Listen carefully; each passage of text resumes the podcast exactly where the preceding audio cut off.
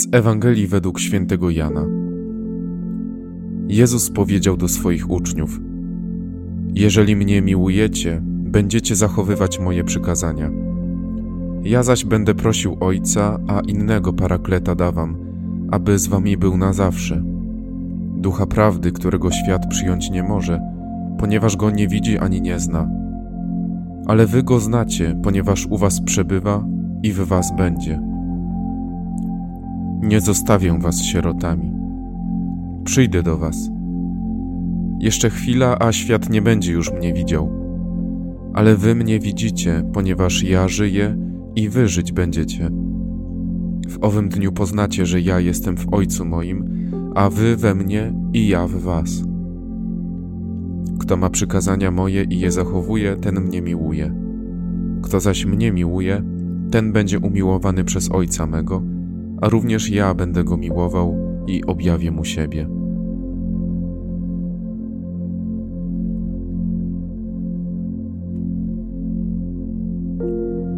Dzisiaj chciałbym zaprosić do krótkiej refleksji nad swoim majątkiem. Co posiadam?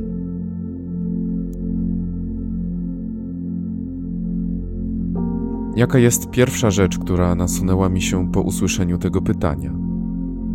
Co najbardziej traktuję jako swoją własność?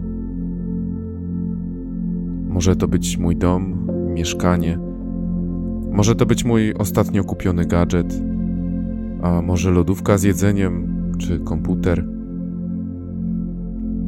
Pierwsza kategoria posiadanych przez nas rzeczy to rzeczy materialne, które służą dłużej lub krócej, lecz po czasie niszczeją, przestają cieszyć.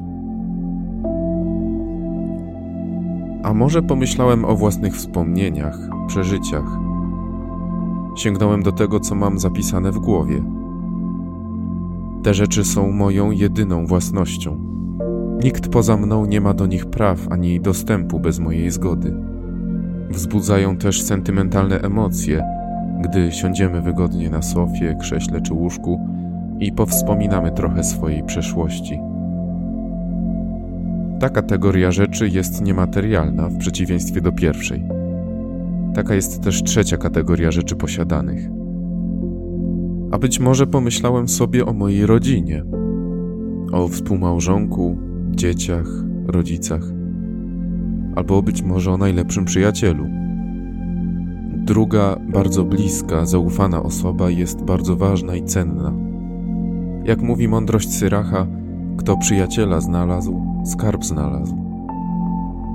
Ta kategoria posiadania długo budowana jest dużo trwalsza niż poprzednie.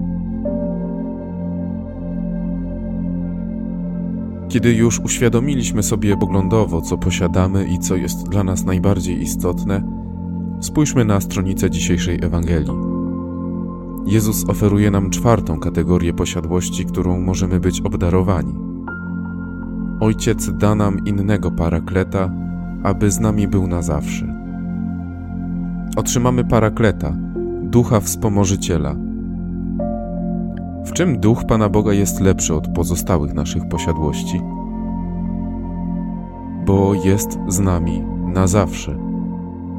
To jest różnica między posiadłościami ziemskimi a niebieskimi, że sprawiają radość i dają poczucie komfortu i bezpieczeństwa, ale wciąż trzeba je odnawiać, zabiegać o nie na nowo. Rzeczy niszczeją, wspomnienia trzeba na nowo aktualizować, odnawiać a bliski przyjaciel może, choć nie musi, odejść albo zdradzić. Duch Pański natomiast jest z nami zawsze i na zawsze. Jest on postrzegany w zupełnie innych kategoriach, ponieważ świat go nie widzi ani nie zna, dlatego też nie może go przyjąć jako swoją własność. Nas, chrześcijan, Wyróżnia to, że z polecenia Jezusa przebywa wśród nas i w nas jest. Dlatego możemy go poznać. Duch Pański jest duchem prawdy.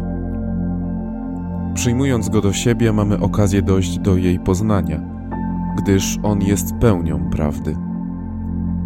Możemy czerpać z tego źródła. Spróbujmy pomyśleć, czy przyjęliśmy Ducha Świętego do siebie. Czy możemy powiedzieć, że On jest mój, a ja Jego? Jaką pozycję w mojej hierarchii posiadłości zajmuje Duch Święty? Jeśli mniej posiadamy, łatwiej nam będzie postawić Go na najwyższej pozycji. Dlatego Jezus wypowiada się, że łatwiej jest wielbłądowi przejść przez ucho igielne, niż bogatemu wejść do Królestwa Bożego. Spróbujmy dzisiaj zachwycić się tym, co mamy. Trwajmy choć chwilę w krótkiej wdzięczności z tego, co należy do nas. Ucieszmy się także, że zostaliśmy obdarowani Duchem Świętym. Nie zostaliśmy sierotami, mówi Jezus. Mamy swojego opiekuna. Jak ważny jest dla Ciebie? Czy przyjąłeś już go w swoje posiadanie? I czy pozwoliłeś się jemu oddać jako jego własność?